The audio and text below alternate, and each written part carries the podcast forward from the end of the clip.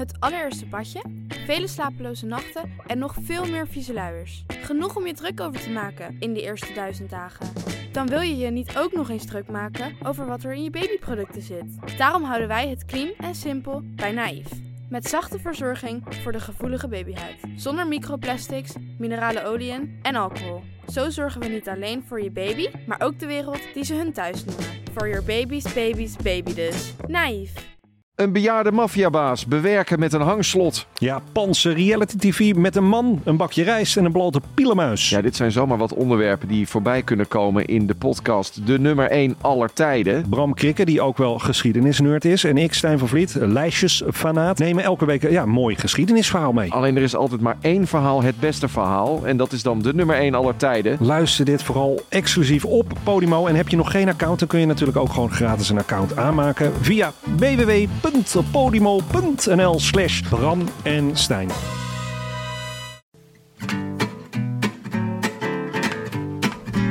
Het is zondag 9 april. Een prachtige lentedag op onze bank in Amsterdam-West. Maar de allerzwaarste koers van het seizoen voor het peloton, Parijs-Roubaix. Mijn naam is Willem Dudok, tegenover mij zit Tim de Gier. En dit is de Rode Lantaarn, de wielerpodcast van Het is Koers.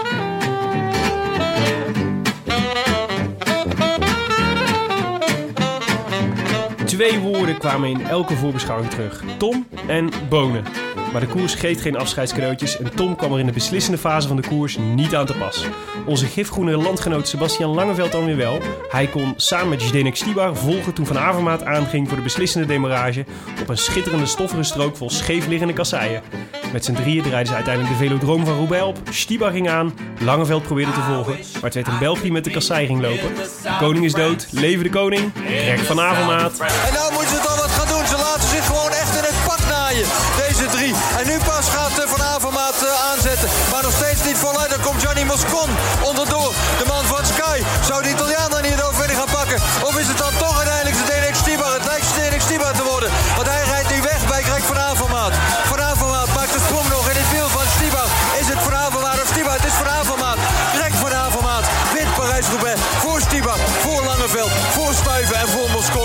eerste vijf hebben we binnen. Greg van Avermaat, alweer een overwinning hier in Parijs-Roubaix na een fantastisch seizoen. I wish I could be in the south of France. In the south of France. Sitting right next to you. Zo, gaat het weer een beetje Tim? Man. Man, man, man, man, man, man, man, man, man, man, man. Van een koers hè? Man, man, man, man, man. Ik zag je zweten op de bank naast me. Het was me echt een Parijs-Roubaix. We zaten echt met z'n tweeën bibberend eh, in mekaars armen naar de koers te kijken. Ja. Er gebeurde niet zo heel erg veel, maar het was wel super spannend. Ja, er gebeurden geen grootse, grootse dingen. Geen grote demarages of weet ik maar. Het was constant, vanaf het begin tot het einde was het echt spannend. Iedereen, het was, eh, het was vandaag zo'n prachtige zomerdag. Iedereen zat gewoon lekker buiten, zo onbekommerd te genieten. En wij ondertussen de peentjes zweten binnen Ja, het, vanwege de koers. en het was al zo'n zware dag. ik weet niet hoe jij de ochtend hebt beleefd. Of je Formule 1 kijkt of, eh, of de Marathon van Rotterdam. Ja, het was super Sunday, Ja, ja. zoals de NOS zegt. Sunday. bij mij ging om 9 uur de televisie alweer aan hoor. Echt? Zat je om negen uur te kijken? Ja, ik, had, nee, ik moet eerlijk zijn, ik mocht, ik mocht mijn, mijn kinderen waren uit logeren, dus ik mocht uitslapen. Dus ik heb eh, Mhm. de eerste Formule 1 heb ik eigenlijk alleen het laatste stukje gekeken. En toen de Marathon van Rotterdam wel, dat vond ik ook prachtig. Heel tof om te zien. Heb je, je hebt eerst naar Formule 1 zitten kijken, gordijnen dicht. Ja, Daarna marathon, gordijnen dicht. ja. ja. En toen, wat heb je in godsnaam in die lege uren tussen, tussen de marathon en de Ja, koers dan gedaan? zet je hem gewoon op spoor aan en kijk je de voorbeschouwing op Parijs-Roubaix. Ja, Want die had, het, eh, die had het er maar druk mee. Want de grote held nam afscheid hè, vandaag. ja. Het was een soort, eh, in, België, in België was een soort nationale feestdag. Ja, en, en, en eh, nationale begrafenis ook wel, volgens mij. Het was een beetje een mix van, van vieren en treuren. Om het afscheid van Tom Bonen, want daar hebben we het natuurlijk over. Viervoudig winnaar van Parijs-Roubaix. Ja, Betekent dat hij vier van die kasseien op zijn, eh, op zijn vensterbank heeft staan. ja dat, is wel, dat is wel zwaar. Ja, precies. Vereist wel enig bouwkundig inzicht om daar... Ik las, eh, ik las laatst ergens dat je soms... eh, soms hebben van die mensen die maken te zware boekenkasten. Dat was na het researchen. En daar kan de vloer dus een beetje inzakken. ja. Maar Tom Bonen moet dus ook dat risico lopen... dat hij die vier kasseien van, de, die je krijgt als je Parijs-Roubaix wint... Ja. dat hij die ergens heeft neergezet... dat dat dan de grond een klein beetje naar beneden loopt. Nou, we zullen, als de, mocht de aannemer van Tom Bonen luisteren, alsjeblieft laat ons weten hoe je dit doet. Ehm, we, moeten, we moeten rectificeren, Tim. We zijn vorige week weer gruwelijk uit de bocht gevlogen, een aantal keer. En als ik zeg we, bedoel ik ik. Even door het stof, Willem. Uh, ja, nou goed. Wilnis blijkt niet ten noorden te liggen van, uh, van Amsterdam, maar ten oosten. Weet je, dat, weet aan je dat alle- nou wel zeker? Heb je het opgezocht of denk je het? Ja, het oosten is toch de richting Utrecht, vanaf, voor, voor de zekerheid, vanaf Amsterdam. Dan ligt Ja. het in het oosten. Ja. Ik ken Wilnis. Was er niet een voetballer van RKC, die Fabian Wilnis Nee, heet? van NAC. Van NAC. Ik vind NAC? het heel fijn dat je dit... eh, ja, hij heeft misschien ook eh, bij RKC gezeten... maar hij heeft in ieder geval bij NAC gevoetbald. Fabian Wilnis. Voetbalde eh, in de jaren negentig was het een veelgeprezen rechtsback van NAC. Ja, En woonde die ten oosten of ten westen van NAC, Willem? geen idee. We hebben er nog één, nog een rectificatie. Ja, dus, ik heb abusievelijk verwezen naar de Amstel Gold Race als een van de monumenten. Ja, dat, Dat is eh, natuurlijk geen monument, Willem. Ja, natuurlijk. Hoe kan je nou denken dat dat een monument is? Het is geen monument, het is natuurlijk wel een grootse, een grootse klassieker. En omdat ik, ik vind, ik moet, we mogen ook best een beetje chauvinistisch zijn. Het is in ieder geval de grootste koers, het monument van Nederland. Om het, Ja. probeer het zo maar goed Ja. te maken. Maar waar we Amstel Gold Race zeiden, bedoelden we natuurlijk Ronde van Lombardije. En waar we, we zeiden, bedoel ik ik. Nou, maar vanmiddag maakte hij nog een hartstochtelijk pleidooi voor dat monumenten ook met de tijd meegaan en veranderen. Ja, dat is zo. En jij was gewoon iets sneller. Ja. Misschien. Ooit was de Waalse pijl belangrijker dan Luik, Bastenaken, Luik, Tim. Dat zou je nu ook niet meer zeggen. Was dat, eh, ja, dat is met de muur van Hoei. Ooit was de Ronde van Vlaanderen was, eh, veel minder belangrijk dan Parijs-Roubaix. Werden ze op dezelfde dag gereden. En toen keek iedereen Parijs-Roubaix. Alle goede renners gingen naar Parijs-Roubaix. En alle, alle knuppeltjes dag naar de Ronde van Vlaanderen. Ja, pas, pas eh, toen de Ronde van Vlaanderen naar een andere dag ging... toen groeide het uit tot een, tot een even groot monument als Parijs-Roubaix. Het kan verkeren, wil ik dus maar zeggen, tegen onze criticasters in de Maar- landen. Maar had er nog, eh, eh, had nog, eh, zijn er nog andere koersen die potentieel monument zouden kunnen zijn? Ja, het is zeg maar, het, eh, de, de wielerelite die probeert nu om de Strade Bianchi tot, tot, tot monument te bombarderen. De wielerelite? Het wielerkartel? Ja, het wielerkartel. Tegen wie ons wij ons zo, zo dapper proberen te verzetten. Ja. Ja. Nee, walgelijk. Maar de Strade Bianchi is echt, is, is volgens mij, wat is het, tien jaar oud of zo? Weet ik veel. Misschien nog wel minder. Oh, Willem. Ja. We gaan weer. Oké, Willem. Laten we het over de koers hebben. Ik heb een natje meegenomen. Want hij, de koers kan natuurlijk niet zonder natje. Nee, en, eh, en, eh, en eh, Ik heb hem hier klaargezet. Een Ja. La Chouffe. Mijn, eh, mijn schoonfamilie eh, was eh, in de buurt van de brouwerij van La Chouffe... en heeft één flesje en één glas voor ons meegenomen. Wat leuk. en heb je, ze, heb je ze verteld dat je de La ook gewoon bij de Albert Heijn kunt kopen? Dat vind ik nou weer lullig. Sorry. Op Parijs-Roubaix. Op Parijs-Roubaix. We het over Hoe ging het hebben. vandaag? Laten we de koers doornemen. Ja, even ter inleiding. Wij hebben het over Parijs-Roubaix. Het wielermonument, zoals we al zeiden. Ja. De kasseierrit van het jaar. Eh, die gaat eh, door, eh, door, door Noord-Frankrijk. Eh, dit keer was het eigenlijk niet Parijs-Roubaix of Paris-Roubaix. Zo la- iemand verbeterde mij en zei: Het is Paris-Roubaix natuurlijk. Maar ik ben een gewone Nederlandse jongen de gebleven. Franse, de Franse uitspraak. Paris-Roubaix. Ja, maar wat is, is, eh, is het dan niet Parijs-Roubaix? Nee, het is uh, Robais. Is de Robais. Nederlandse naam van Roubaix. Oh. Robais. Maar, Dus het was als, je dus, het, als je het in het Nederlands wil doen, is het Parijs-Robais. dus het, maar het was vandaag dus eigenlijk Compiègne-Roubaix. Mhm. Eh, 257 kilometer met 29 kasseienstroken, maar liefst. En die stroken die geven ze dus eh, sterren Ja. om te laten zien hoe moeilijk het is. En Maar- er zijn drie grote eh, vijf sterren kasseienstroken, zeg maar de zwarte pistes van de kasseienstroken. Ja. En dat zijn het bos van Valère-Arenberg, Mhm. of eh, van Valère-Arenberg, Ja. eh Mont en Pével en Carrefour de Larbe. Très bon. Ehm, en ja, het is natuurlijk een beetje met Parijs-Roubaix zo dat dat hele gebied moet leiden het hele jaar door onder de koers. Want eh, er valt niet overheen te rijden over die eh kasseien eh, natuurlijk. Misschien met een tractor of met een huifkar.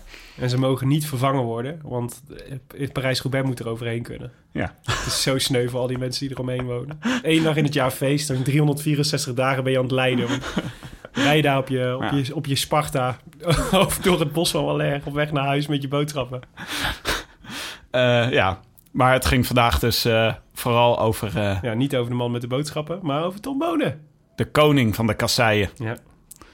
Vier overwinningen in Roubaix. Ja, en vandaag deed hij dus waarschijnlijk voor het laatst mee. Maar Ja. je weet het maar nooit hè, met wielrenners. Nee. Hij hoopte op zijn vijfde. Hij had eh, heel lang toegewerkt naar deze koers, omdat het zijn afscheidskoers ging zijn. Hm. Vorige week ging het natuurlijk niet zoals het zou moeten in Vlaanderen. Dus alle hoop was op, eh, op vandaag gevestigd. Ja, want het is, eh, de koers is gemaakt zeg maar, voor de echte de krachten, krachtmannen. Ja. Ik zag eh, Rasmussen, die is heel actief op Twitter... sinds hij nergens meer in de buurt van wielrennen mag komen.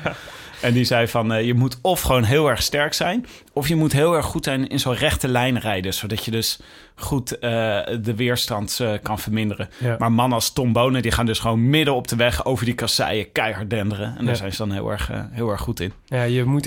ik heb wel eens. Je hebt zo'n prachtige documentaire van, ehm, van Wilfried de Jong. En die hele goede cameraman. Hoe heet hij nou? Dirk-Jan Roeleven? Of is dat de regisseur? Dat is de regisseur. Oh ja, ze hebben- hij heeft zelf altijd zo'n hele goede cameraman. Maar die heeft, die had zo'n prachtige eh, shot gemaakt van hoe, dan, hoe je het beste over die kasseitjes heen kunt. Je moet echt als het ware van kassei naar kassei springen. Zodat je de snelheid hebt om, eh, om dat het als het ware bijna vlak lijkt. Dat is echt Terwijl je aan het rijden eh, bent, moet je dan je fiets proberen op Nee, te dus als je een bepaalde snelheid hebt, dan spring je van kassei naar kassei. En dat is een soort van bepaald optimum in de snelheid die je moet hebben om dat, Oh, ja. te, om dat, eh, om dat te kunnen doen. En als je daar dus een beetje onder die snelheid zakt, dan ga je echt boem, boem, boem, boem. Dus dan ga je, je wordt gestraft voor als je niet hard genoeg over de kasseien kunt. Ja. Dubbel gestraft, want dan word je, word je, word je dus, eh, dan ga je dus wel telkens over de bobbeltjes. Ja, zoals iedereen weet, die wel eens over de Dam gefietst is in Amsterdam. Precies, exact zo. En Maar- één sterren, een één sterren kassei. Eén zijstrook. Maar het duurde, het was vandaag een prachtige dag. Het eh, duurde heel erg lang eh, voordat de koers echt een beetje op gang kwam. Maar het was, eh, het was schitterend. Het was prachtig kijken. Ze gingen heel hard in het begin. Ja, en, we hadden, en we hadden natuurlijk de mazzel dat het kurk droog was. Dus dat we overal van die geweldige stofwolken zagen. Maar we, dat willen we toch niet? We willen toch dat het regent? Nee, ik vind het juist mooi als er stofwolken zijn hoor. Ik vind dat echt, dat die beelden van zo'n... Je had er zo'n paar keer had je zo'n beeld van zo'n helikopter die dan boven zo'n... eh, boven zo'n kasseistrook hing en dan de, de renners als het ware opving. En dan zo'n, zo'n enorme stofwolk waar ze uit tevoorschijn kwamen of juist in gingen fietsen. Dat vind ik prachtig. Nou, het is, Ja, de regen heeft ook al wat, want dan wordt het super glad en dan vallen ze meer. Maar ik vond dit qua dramatisch beeld, vond ik het wel echt eh, vond ik het geweldig hoor. Nou, het was wel prachtig dat alles stond zo in bloei. Met als hoogtepunt. de- op een gegeven moment rijden ze langs zo'n veld. En staat er zo'n supporter, staat er zo midden in het veld. Staat, staat met een uitge- met een, gewoon met een, eh, hoe zeg je dat? Een, eh, een eh, uitdrukkingsloos gezicht stond hij toe te kijken. Zag heel dubieus uit. Drie uur, in, eh, drie uur staan wachten en dan op het moment dat, je, dat het peloton voorbij komt, dan zat hij te Netflix waarschijnlijk. Zat hij midden in de wei. maar het duurde heel erg lang voordat er een kopgroepje was. Ja. 80 kilometer. Ja, voordat er echt een geslaagde vlucht was, ja. Met Jelle Wales, Jelle zo'n, een van mijn favoriete Vlaamse namen vind ik dat. Ja. Het is geen Guillaume van Kersbulk, maar het komt in de buurt, Tim. Jelle Wales. Maar het was, eh, het was, ze reden dus echt keihard in het begin. Ja.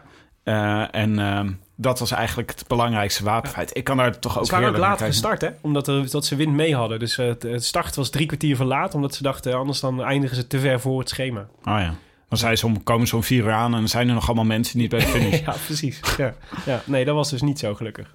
En het eerste, het, het, eh, eerste echte wapenfeit was eh, dat onze grote favoriet eruit ging. Ja, ja mijn grote favoriet. Ja, die Jouw grote al- favoriet deed niet eens mee. Die is afgelopen week al gesneuveld. Nibali heeft het niet tot de selectie gebracht. Dus daarmee eh, verviel Tim's voorspelling voor, eh, voor de winst van, dit, eh, van deze keer.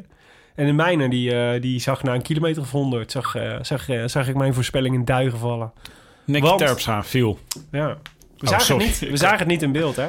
Gooi de aankondiging wel zo heel erg. Ik gooi het wel heel erg rauw op het dak. Nee, Ja. we hebben niks gezien. Hij was, ineens was het eigenlijk.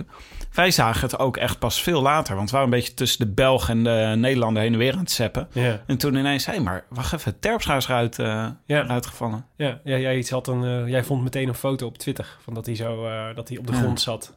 Een hele mooie foto overigens, maar ja, wel tamelijk dramatisch. Want Terpstra had gewoon had natuurlijk gewoon kunnen winnen met de vorm die hij had, volgens mij. Ja, je weet het nooit. hè. Met zijn ploeg, Quickstep, heeft zoveel goede renners. Het draaide allemaal om bonen hè, vandaag natuurlijk. Ja, maar ik denk, Bonen heeft wel heel erg... Ik bedoel, we, we hebben al verklapt dat hij niet gewonnen heeft. Maar ik denk ook wel dat hij de pech had, serieus de pech had, dat, eh, dat Terpstra wegviel, hoor. Want Terpstra was natuurlijk wel echt een van de belangrijkste pionnen voor, eh, voor, ehm, voor Quickstep vandaag. Ja. En als die meteen eruit valt, dan, eh, ja, dan eindig je dus met Stibar en Bonen samen. Stibar nam het moeiteloos over. Ja, maar ik- normaal gesproken hadden ze dus Terpstra ook nog voorin, hebben, voorin gehad. Het was En misschien dit jaar... Trentin ook nog wel. Ja, Trentin ging snel af vandaag. Ja, ja. Maar het was... eh, Terpstra was natuurlijk ook wel extra leuk geweest... omdat hij nog steeds betrokken is in een beetje dat relletje met Sagan en Van Avermaat. dus dat wel extra gepeperd. Je had het graag gezien. Ja. Hm, Oké. Nou, en eh, nou ja, zoals het gaat hè, bij Parijs-Roubaix... iedereen valt van zijn fiets en er gaan fietsen kapot... en lekke banden en eh, dat Ja. hoort een beetje bij die kasseien. Nou, iedereen valt wel een keer, iedereen rijdt wel een keer lek. En dus is er, eh, allerlei, is er allerlei drama. Zo ook Greg van Avermaat. Ja, 22 eh, kilometer moest hij alleen rijden door materiaalpech. Eh, op vrij vroeg in de race. Ja. Dat gaat dan toch, dat moet toch ongelooflijk pijn doen, hè? En dat je dan ook denkt, ik, daar heb je zo'n perfecte opbouw heb je in je hoofd. En die gaat dan in één keer, kan je die gewoon Ja, wegspoelen. ja, ja hij viel dus vlak voor het bos van Valère. En, eh, en moest vervolgens daar dus in zijn eentje doorheen rijden. En 22 kilometer inderdaad eh, alleen voordat hij weer eh, aansluiting vond bij de kopgroep. Ja. En hij was er niet de enige. Want ook Sagan die, die werd, werd weer geveld door pech. Meerdere malen tijdens Ja. de koers. En ook weer echt op beslissende momenten. Dat is niet eh de Sagans eigenlijk, hè? Die Het heeft, is altijd zo iemand die altijd Hmm. geprezen werd om zijn stuurmanskunst. En had hij ook al een beetje het geluk aan zijn kont hangen. Ja. Maar het laatste, eh, ja, met name vorige week en deze week... heeft hij toch echt gewoon ook pech gehad... waarmee hij eh, zijn kansen vergooide. Ik hoopte vandaag wel echt een beetje op Sagan. Ja, Ik vond het ook wel, als iemand de hele tijd zoveel pech heeft... dan hoop je dat hij één zo, zo'n geweldige overwinning haalt. ja. Toch een beetje de comeback kid gevoel. Nou, het leek er een paar keer op. Hè? Dus hij was op een gegeven moment was hij weg met eh, Daniel Os en Jasper Stuyven en, eh, en zijn ploeggenoot, Botnag. Ja. Wat echt zo'n tijdrijder is die ook meteen eh, zich op kop zette en, en het groepje op gang trok. Maar toen reed hij weer lek. Dus Ja. toen reed Sagan lek en, en ging Botnar wachten. En toen was eigenlijk, waren eigenlijk zijn kansen weer, weer verspeeld. Maar even voor de duidelijkheid, even waar we nu zijn. Ja. Het bos van Valère. ja, we zijn het bos door, inderdaad. Dat is, je- dat, is eh, dat bos waar, eh, daar, gaat, daar gaat een van de beroemdste kasseienstroken gaat door het bos heen. En dan zegt Ja. iedereen, oh mijn god, het bos komt eraan. Het bos komt eraan. En Ja. precies toen reed dus Van de Avermaat, reed vlak voor dat bos, kreeg hij materiaalpech. En die moest dus in zijn eentje door het bos rijden, wat Ja. super zielig is. Ja. Klinkt- Zo klinkt het heel eng als je het zo ziet. In je S'nachts. eentje door het bos S'nachts, zonder licht. en eh, ja, Sagan had daar dus ook pech. En voor de rest zat eigenlijk iedereen nog bij elkaar toen. Ja, ja. Maar het Bos van Valère is wel echt een van de heftigste stroken. Hè? Je, het, eh, kan je, weet je nog dat toen Museo nog rondreed? Dat hij, Museo is een keer zo hard gevallen in het Bos van Valère... dat hij zijn knieschijf gebroken had. Hmm. Ik heb dat altijd... zo- Iedere keer als ik dat nog hoor of zie... dan krijg ik meteen zo'n cringe in mijn maag. Ja. Zo. Dat, dat, moet zo pijn doen. Dat is ook een van de momenten die ik onthouden heb inderdaad. Ja, en die toen was een paar jaar later, toen wees hij, ging die, won die eh parijs en toen wees hij zo op zijn knie. Weet je dat nog? Dat hij zo halverwege Oh, op nee. zijn... eh, nou, laten we daar een mooi plaatje van opzoeken en bij deze podcast doen. Maar dan wijst hij zo op zijn knie, gaat hij zo met één been over de finish. En dat is daarom, omdat hij dan... eh, ik doe dit voor dat- mijn knie. Viert dat hij weer terug is, ja. En dat hij het voor alles doet hij voor zijn knie. Ja. Eh, en eh, nou ja, we hebben dus na het bos hebben we eigenlijk heel lang zitten kijken naar een... eigenlijk vooral naar Daniel Os. Hebben we zitten Ja. kijken met zijn lange haren Mooi, hè? onder zijn helm. Want laat even... vert- vertel even, hoe, kwam, hoe kwam Os voorop te liggen? Ehm, hoe kwam Os voorop te liggen? Nou ja, dus, ehm dus eh, Sagan reed dus weer lek. En eh, ehm, eh, er kwam een groepje Os, Stuiven, Klaas, of Klaes, eh, eh, Moscon. Die, dat is die, dat talent van eh, Sky. Oh ja. Die we vorige week ook in één keer uit het niets zagen opkomen. En Jurgen Roelands. En daaruit vertrok Os uit die, uit die groep. En het is een mooie gast, die Os. Zijn lange, wapperende rode haren heeft hij. En, en die kwam er dus in één keer voorop te liggen. En die lag telkens, nou, heeft er denk ik, wat is het, kilometer of 20 of zo, 30 seconden voorgelegen. Ja. En dat was eigenlijk eh, mooi, want daarmee zag je eigenlijk in één keer de koers plooien voor BMC. Want hij is het renner van BMC. En de, zijn kopman is eigenlijk Greg van Avermaat. En eh, daardoor had Greg het in één keer aan de, aan de achterkant had hij het, eh, had hij het een stuk rustiger. Want die, Heb je, ja, heb je daar... Je hebt veel voordeel doordat er een ploeggenoot van je voorop ligt. nou ja, dus je hoeft niet meer, ik bedoel, je hoeft niks meer te doen, uiteindelijk. Dus, hè, dus, Dus dus je hoeft geen werk, je hoeft niet meer kopwerk te als de situatie zo blijft, dan wint Os en dan is BMC en, en Van Avermaat is blij. Dus Ja. Van Avermaat hoeft niet te werken achterin. Hij heeft ook een excuus om eh, te zeggen, ik ga niet, eh, ik ga niet mee rijden op kop, want mijn, eh, mijn ploeggenoot Daniel Os rijdt vooraan. En, ehm, en dat gebeurde, en dat gebeurde sowieso toen, eh, toen, toen ehm, eh, Van Avermaat aansloot bij, bij het kopgroepje. Ja. Want hij zat er nog niet vooraan. Toen kwam die, en toen had je de situatie dat Van Avermaat in een klein groepje zat en Os vooraan reed.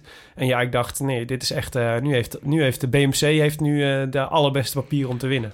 Zijn ze goed geworden, hè, die ploeg? BMC, ja, ja. we zeiden het nog tijdens de koers, hè? Het is echt, eh, het ook, en ook niet alleen goed, ook sympathiek. Ja, dat komt, dat, komt, dat komt een beetje omdat een, eh, omdat een favoriete Australiër, Cadel Evans, ermee stopte. Dat was gewoon... de- eh, ja, het was toch heel moeilijk om een groot fan te zijn van Cadel Evans. En toen die eenmaal wegging, toen werd ineens BMC een sprankelende ploeg. Ja, ja dat klopt. Ja. En, en Daniel Os, ja, het was wel fantastisch. Want hij heeft is- die lange haren. En dan zijn haren, zo krullen, die komen zo onder zijn helm uit. ja, en die de verhalen gaan... zijn tatoeages komen uit zijn, onder, zijn, eh, onder zijn shirtje vandaan. Ja. Ja. En dan gaat natuurlijk het verhaal dat hij een enorme heavy metal fan is. Ja, Omdat hij lange haren heeft waarschijnlijk. ja muziek. Hij, hij doet me een beetje aan Laurens ten Dam denken, ergens. Dat is toch ook zo gewoon een beetje zo'n soort eh, alternatieve outsider. Ja, een beetje Koen de Kortachtig ook. We hebben Hmm. ook wel dat soort jongens inderdaad. Ja, ja nee, klopt wel. Goede hardrijder. Ja, en ook, eh, volgens mij is hij ook al een paar keer eerder goed geweest in Parijs-Roubaix. Dus hij kan dit ook wel aan. Ja. En ik dacht eigenlijk, er was wel, waren wel een paar momenten dat ik dacht van... Als hij, eh, als hij echt goed is, dan kan hij dit gewoon volhouden vandaag. Ook al omdat Van Avermaat achter hem zat. Maar je 30 zag dat hij toch wel een beetje leeg liep aan het einde. Ja, maar 30 seconden is ook te weinig. Omdat als je gewoon op een gegeven moment is zo, lijkt me ook demotiverend, is 80 kilometer voor de finish. Ja. En dan heb je de hele tijd maar die 30 seconden. En die wordt niet kleiner en die wordt niet groter. Heb je toch een beetje het gevoel dat je aan het lijntje wordt gehouden hoor. Ja, en 30 seconden is echt wel op de, op de zo'n kasseistrook is echt goed te maken in één, één, één ruk. Hè? Dus In één de, snok. De echte goede, dus de, de Tom Bonen in topvorm of, eh, of, ehm, eh, of een eh, Van Avermaat in topvorm. Die rijdt dat gewoon eh, in één ruk, rijdt hij gewoon 30 seconden dicht op zo'n op zo'n asfaltstrook. Nou, dan merkte je, dat zag je ook een paar Ja. keer gebeuren. Ja, precies. Fantastisch als Tom Bonen. Die ging dus gewoon af en toe... we wisten op dit moment nog niet of Bonen goed zou zijn of niet. En je zag me een paar keer zag je me aangaan. En dan gaat hij gewoon Ja. ineens zo midden op de kasseienstrook rijden. Ja. En dan ineens met die heel, heel hard, hele harde trappen. Ja. En dan rijdt hij ook ineens... Dan zie je ineens zo die tijd tussen hem en Os... zie je ineens gewoon eh 15 seconden wordt hij kleiner. Gewoon in één, in één ruk over zo'n kasseienstrook. Maar ze gaan dan elke keer... Dan maakt hij zo'n enorme spurt op die kasseienstrook. En dan Ja. daarna wachten ze dan eh, wachten zeg maar tot de rook is opgetrokken om te kijken wat er gebeurd is. Dat frustreert me altijd enorm, want dan denk ik ja, heb Rij je net een door. gaatje geslagen, rij dan door. Inderdaad, Tom Bonen, Ja. ga dan gewoon. Maar ja, dat is toch een beetje hoe dat gaat. Dan, eh, heb je, dan zijn je benen verzuurd of zo en dan wacht je gewoon om te kijken wie heb ik meegekregen. Ja, Wie heb de schade opnemen. Kijken wie er mee kan, wie, kan, wie er kan werken. Of je nog een ploeggenootje aan hebt hangen die, eh, die je voorop kunt zetten. Ja. Ja, ja en, en in deze fase was Bonen was echt, eh, echt heel goed. En van Avermaat had het moeilijk. Mhm. Die, die eh, moest inhalen. die zag je niet voorop rijden. Die zag je niet dingen doen zoals Bonen dat deed. ja. Het was eigenlijk Sagan en Bonen die toen een beetje zaten te showcasen. Ja, dat klopt wel. Maar je zag wel, vond ik, en dat zeiden wij ook nog tegen elkaar tijdens de koers, dat je op een gegeven moment had je die groep en dan zag je een aantal jongens die echt iedere keer wel vrij ontspannen meegingen. met Bonen en met Sagan. En, eh, en, eh, en tot onze grote vreugde waren dat ook eh, Van Baarle en Langeveld. Die, die eigenlijk best wel goed waren. Ja. Waarbij met name Langeveld. Dus achteraf bleek dat hij echt heel erg goed was. Eh, maar dat zag je bij Van Avermaat ook wel hoor, de hele tijd. Toch, ondanks alle, alle gedoe en eh, gezeik, zeg maar, toch een soort van ontspannenheid.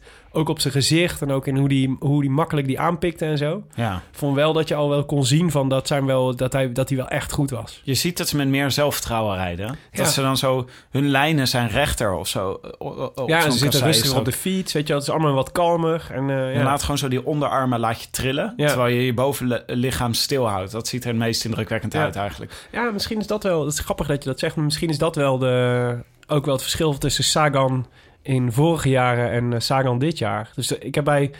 er zit heel veel onrust op een of andere manier. In, normaal gesproken was dat zijn grote, was het soort onstuimigheid. Onstuim, dat, hij, dat je dacht, hij, eh, hij maakte rare beslissingen, maar hij is supergoed. En nu zit de onstuimigheid van Sagan ook wel een beetje in hoe hij op de fiets zit. Er zit wat minder kalmte in of zo als je naar hem kijkt. Ja. Hij schijnt nou, ook... Is dit nu psychologie van de koude grond? Ik, Nee, nou, dat zeiden de commentatoren ze- zeiden dat ook. De- hoe noemden ze het ook weer? Volgens mij noemden ze het geforceerd. ja. Maar het zag een beetje geforceerd uit. En er schijnt ook iets te hoog op zijn fiets te zitten voor deze koers. Je Ah. kan beter lager op je fiets eh, zitten. Dat je zwaartepunt wat lager is. Denk het. Ik weet het eigenlijk niet. Ik denk nu dat ze je zadel iets lager zetten. Ja, ja misschien, ja.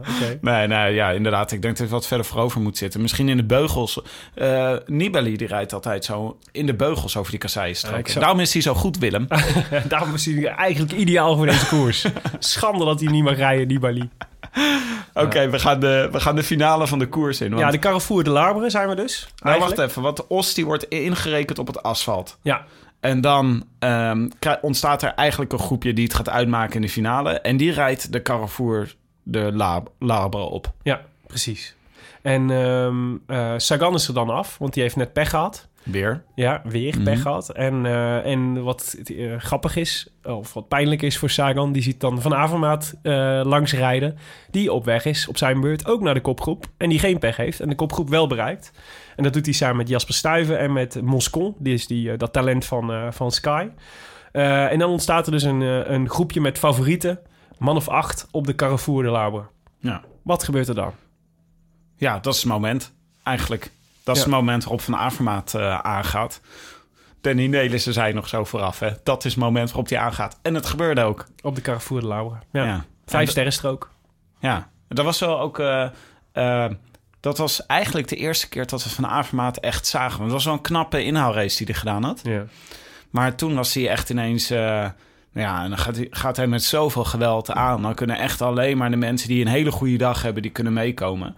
En in eh, dit geval eh, was het eh Stibar en Sebastian Langeveld. Die, Ja. konden, die konden aanhaken. Ja, de redelijk makkelijk ook met z'n allebei. Het zal wel heel veel kracht hebben gekost, maar het zag er vrij soepel uit hoe makkelijk ze aanpikten bij, bij Van Avermaat. Bonen was er toen af. Ja. En Tom, of Lars Boom. Ja, Al, eh, Al een tijdje. Al een tijdje. Jos van Emden ook. Jos van Hemden. Ja. Die werd nog door de Belgen de hele tijd liefkozen. Het werd hier nog even uitgepikt. En Ja. elke keer was het nieuws dat hij weer lek was gereden. Ja, hij, was, hij reed dus ook lekker op de Carrefour de Lauber. Dus hij had wel echt op het beslissende moment had Jos van Emden wel pech. hij is Dat op alle wel, zwarte pistes lek gereden. Ja, Dus, of meer. Parijs-Roubaix. Ja. Maar dus daar ontstond dus het, het groepje uiteindelijk. Van Avermaat, Sebastian Langeveld en Zdenek Stibar. Ja. Die, ehm, die eh, met z'n drieën eigenlijk vrij makkelijk wegreden. In eerste instantie een tijdje bleven hangen op 30 seconden voorsprong. En toen eh, naar eh, richting de minuut gingen. Ja. Ehm, ja, wat was toen... Ja, dat, dat was een moment waarop wij zaten. Wat zou nou... ja. We waren natuurlijk ontzettend voor Sebastian Langeveld. Ja. eh, nationalist als we zijn. En we zaten ook, ja, wat moet nou je strategie zijn? Je bent met Van Avermaat en Stibar... die als het goed is allebei beter kunnen sprinten dan jij. Maar eigenlijk ook gewoon beter weg kunnen rijden dan jij. ja. En die ook allebei, eh, die allebei wel echt moesten winnen. Dus terwijl die, nou ja, dus de, ja, er was één moment dat eh Stibar ging één keer aan. Die ging demareren. Dus die vertrouwde dus niet helemaal op zijn sprint. Van Avermaat ging er achteraan, die sprong er achteraan. En, eh, en ehm, eh, Langeveld die, die haakte als derde aan. En toen ontstond er op een gegeven moment zo één momentje dat ik dacht... Nu moet je door. Nu moet je doorrijden. Ja. Als, want eh, Van Avermaat zat even waarschijnlijk op adem te komen. Stiba was net aangegaan. Dus dat was het moment dat hij had kunnen... en Je zag hem ook even twijfelen volgens mij. En hij deed het niet. En de vraag is natuurlijk... eh, waarschijnlijk kon hij niet anders. Kon hij niet beter. Ik heb hem niet meer gehoord hoor, na afloop over... eh, maar ehm, eh, dat leek eigenlijk wel zijn kans. Want als je eerlijk bent en je weet dat je met Van Avermaat... in ieder geval met Van Avermaat en eigenlijk ook met Stiba naar de finish rijdt... dan is een Langeveld is eigenlijk gewoon geklopt. Ja. Die zijn, kunnen gewoon veel beter finishen. Ik denk ook dat hij... Ik kan me ook voorstellen dat een overweging is die ook meespeelt... is dat als je dan demareert... terwijl je eigenlijk niet sterk genoeg voelt... dat je podiumplaats kwijt bent. Ja, maar, dus dat is dat misschien ook een reden om niet door te pakken. ja, maar dat vond ik een hele rare reden. Want op dat moment zaten ze een minuut voor. Dus ja, hij had prima kunnen demareren en dan maar gewoon... eh, en, en wat is het ergste wat er kan gebeuren? Dat je wordt teruggepakt en misschien gelost. Nou, die vijf kilometer rij je ook nog wel uit eh, op, de, op de derde plaats, volgens mij. Ja. Zou ik zeggen, hoor. Ja, ja, ja. Ik, je hebt zelf ook wel eens toch meegemaakt... dat je echt van die benen hebt... dat je gewoon echt niet eens je tempoversnelling kan maken. Nee. Ik bedoel, dat... eh, ik, Nee, volgens mij zei hij... Ik, ik, zag nog, ik zag nog een klein fragmentje... waarin hij eh, de- in het Engels eh, de pers te woord stond, geloof ik. Mhm. En daarin zei hij van... eh, ja, ik was gewoon... Ik, ik kon niet... Ik kon niet bij ze wegrijden en ik kon ook niet sprinten. Dus Nee. ik had, hij had eigenlijk gewoon geen strijdplan meer voor die laatste kilometer. Nee, ja, grappig. Ja, ik snap het wel, hoor. En ik snap wel hoe dat ontstaat. En toch is het fout. Oh, ja. Want, Hoezo? Nou ja, je- omdat... ehm, eh, het is, volgens mij is het, is het namelijk is het wat, is het de uitgeputte renner die, die, deze, die deze beslissing neemt. Maar wat deze, de uitgeputte renner vergeet, is dat de andere, zijn medecompanen ook uitgeput zijn. Dus ik moest eh, denken aan Erik Dekker in de Ronde van Vlaanderen. Die ooit eh, in een groepje van zes, van zes op de finish afreed. En, toen, eh, en achteraf een, eh, een, eh, een tweede werd in de eindsprint. Maar dat was in dat geweldige jaar waarin hij heel erg sterk was. Ja. En al die tour-etappes won. Precies. En toen was hij, dus toen won hij, toen, en toen zei hij aan de afloop, zei hij, ja, ik had helemaal niet gedacht dat ik nog tweede had kunnen worden. Ik was zat er helemaal doorheen. Ik dacht, ik word gewoon, ik ga hier gewoon zesde worden en dat is het. Ging hij toch meesprinten, werd hij tweede. Echt nipt achter, volgens mij Bortolami of zo, weet je wel? Zo'n, dat is wel- Prachtig. Ja. En Zo cool als je gelijk hebt. Ja, het is een Italiaan. Misschien is het een andere Italiaan. Maar ik denk Bortolami. Maar in ieder geval, toen was hij... ehm, toen eh, zei hij dat na afloop. En toen zei hij, wat ik vergeten ben... is dat eh, ik vergeten ben dat de andere renners... eh, precies hetzelfde gevoel hadden. Dus die hebben ook allemaal 250 kilometer gereden. Die zijn ook allemaal aan. Eh, en die moeten ook sprinten. Eh, dus je, je, dus je hebt al de neiging om vanuit jezelf te redeneren... ik ben heel slecht. Maar je moet eens bedenken... de anderen zijn net zo slecht als ik. Dus moet ik gewoon een plan hebben... Dan kom je dan achter nadat je 15 jaar een peloton gereden hebt. Wacht, die anderen Ja, zijn ook moe.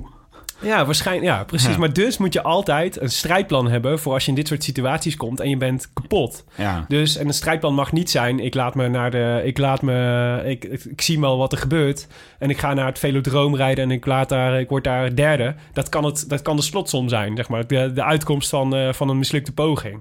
Maar wat het jammer is natuurlijk, hij had gewoon. Ja, je kunt altijd zeggen, ik, ik kon alleen nog maar aanhaken. Maar in dit geval was wel echt, dacht ik, je hebt, je had, je hebt gewoon 10 kilometer voor de meet besloten. Ik, ga, ik ben blij met een podiumplek. Ja. Terwijl zo dicht ga je nooit meer komen. Is ook al was er maar 1% extra kans om tweede of eerste te worden. Hij had gewoon, die had hij wel moeten grijpen.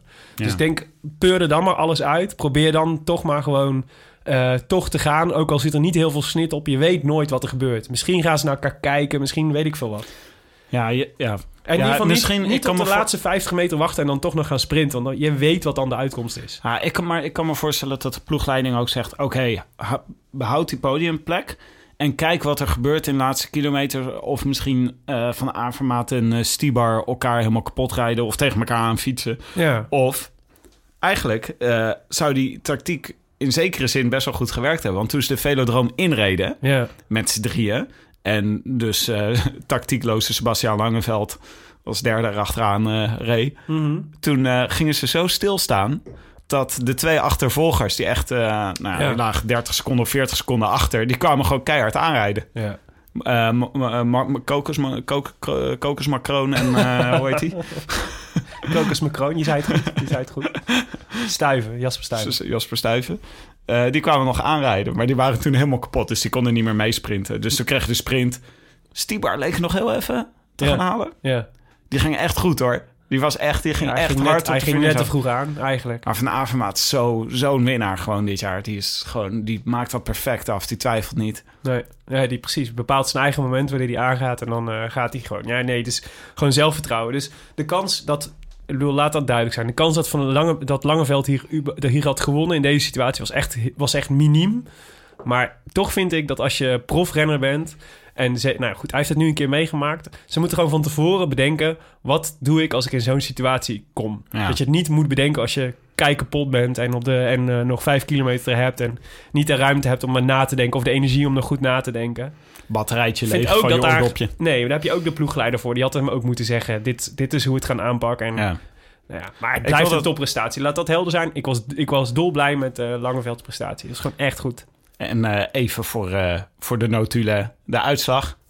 1 Oh ja. Greg van Avermaat. Ja. 2 Stibar. 3 Langeveld. 4 Stuiven. 5 Kokosmacroon. Ja.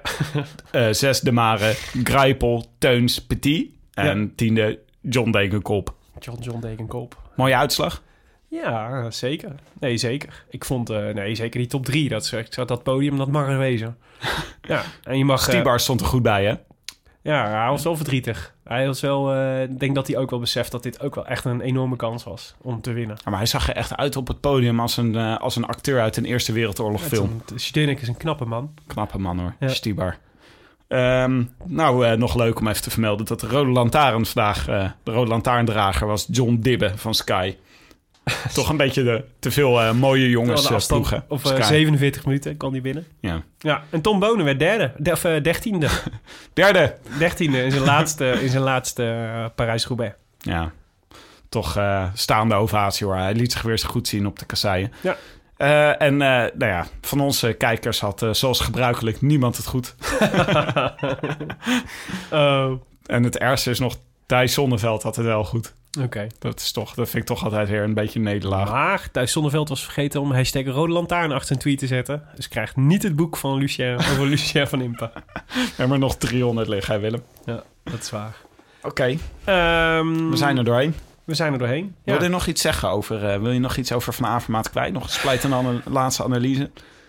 Ja, ik vind het gewoon, ik vind het wel waanzinnig wat hij doet hoor. Als je kijkt hoe hij dit voorjaar geheerst heeft, dat is echt, eh, dit is, dat is op, op het bizarre af. Dus ik ben wel, eh het heeft echt, eh, wat is het, vijf, eh, vijf eh, kla- voorjaarsklassiekers gewonnen. Ja. En, ehm, en dat is eh, nou ja, gewoon impressive. En vorige week nog tweede in Vlaanderen. Ja, dus eh, de vraag is wat hij eh, de rest van het seizoen gaat doen natuurlijk nog. Ja, hij heeft Waar nu, hij op gaat eh, mikken. Hij heeft, eh, van de, hij heeft ongeveer... Hij heeft nu vijf kasseien ritten.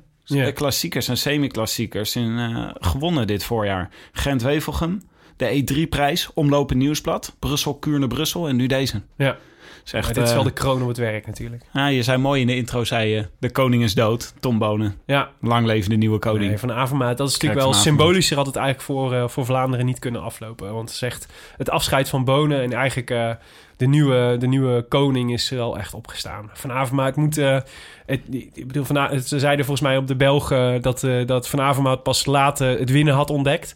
Dat klopt. We hebben echt jarenlang grapjes gemaakt over Van Avermaat die weer ergens tweede werd of weer ergens top 10 reed. Volgens mij hij jaren gehad dat hij niks won en wel, een enorme ontzaglijke hoeveelheid eh, ereprijzen ereplaatsen haalde.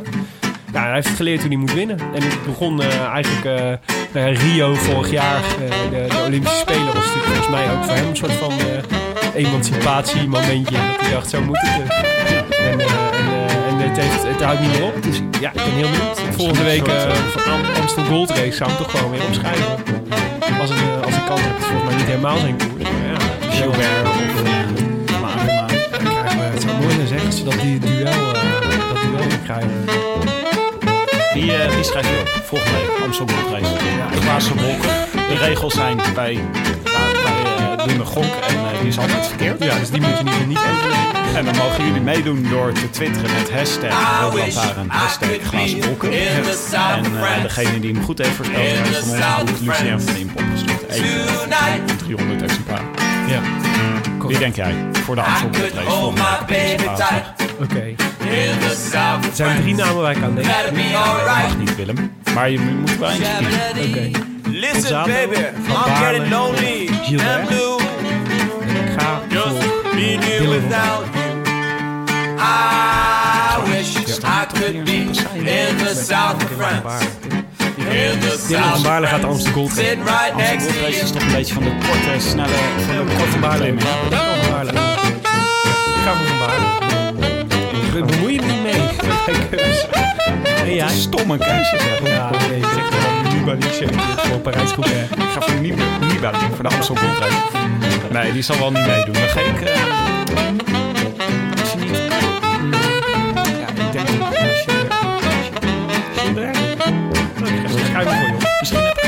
goed.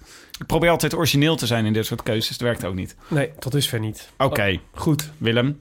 Dit was de tweede voorjaarsspecial van de Rode Lantaarn over Parijs-Roubaix. Eh Compiègne-Roubaix. Gepresenteerd... Robais. Compiègne Robijs. Gepresenteerd en geproduceerd door uw favoriete bankzitter Stam West, Willem Dudok en mijzelf, Tim de Gier. Met dank aan hetiskoers.nl, de wielerblog van Nederland en Vlaanderen. En dank aan het Nederlandse podcastnetwerk Dag en Nacht Media voor de ondersteuning. Wil je reageren op deze uitzending? Via Twitter zijn we te bereiken via Willem Dudok en Tim de Gier. En eh, we zouden het altijd leuk vinden als je ons aanraadt in de iTunes Store. Ja. Eh, Ja, precies. Ja. Even een recensie achterlaten. Want dat Recensies. betekent dat, mensen, dat andere mensen onze podcast sneller ontdekken. En dat is leuk. Want Ja. hoe meer eh, luisteraars, hoe meer vreugd. Ja. Dus schrijf Vol- een review en geef ons sterretjes. Zoveel mogelijk. Ja. En Willem houdt het bij. Volgende keer zijn we weer met de Amstel Gold Race. Dwars door het Lim- Limburgse landschap. Ik zie je dan weer, Willem. Ja, à bientôt, Tim. A biento. I wish I could be in the south of France. In the south of France, sitting right next to you.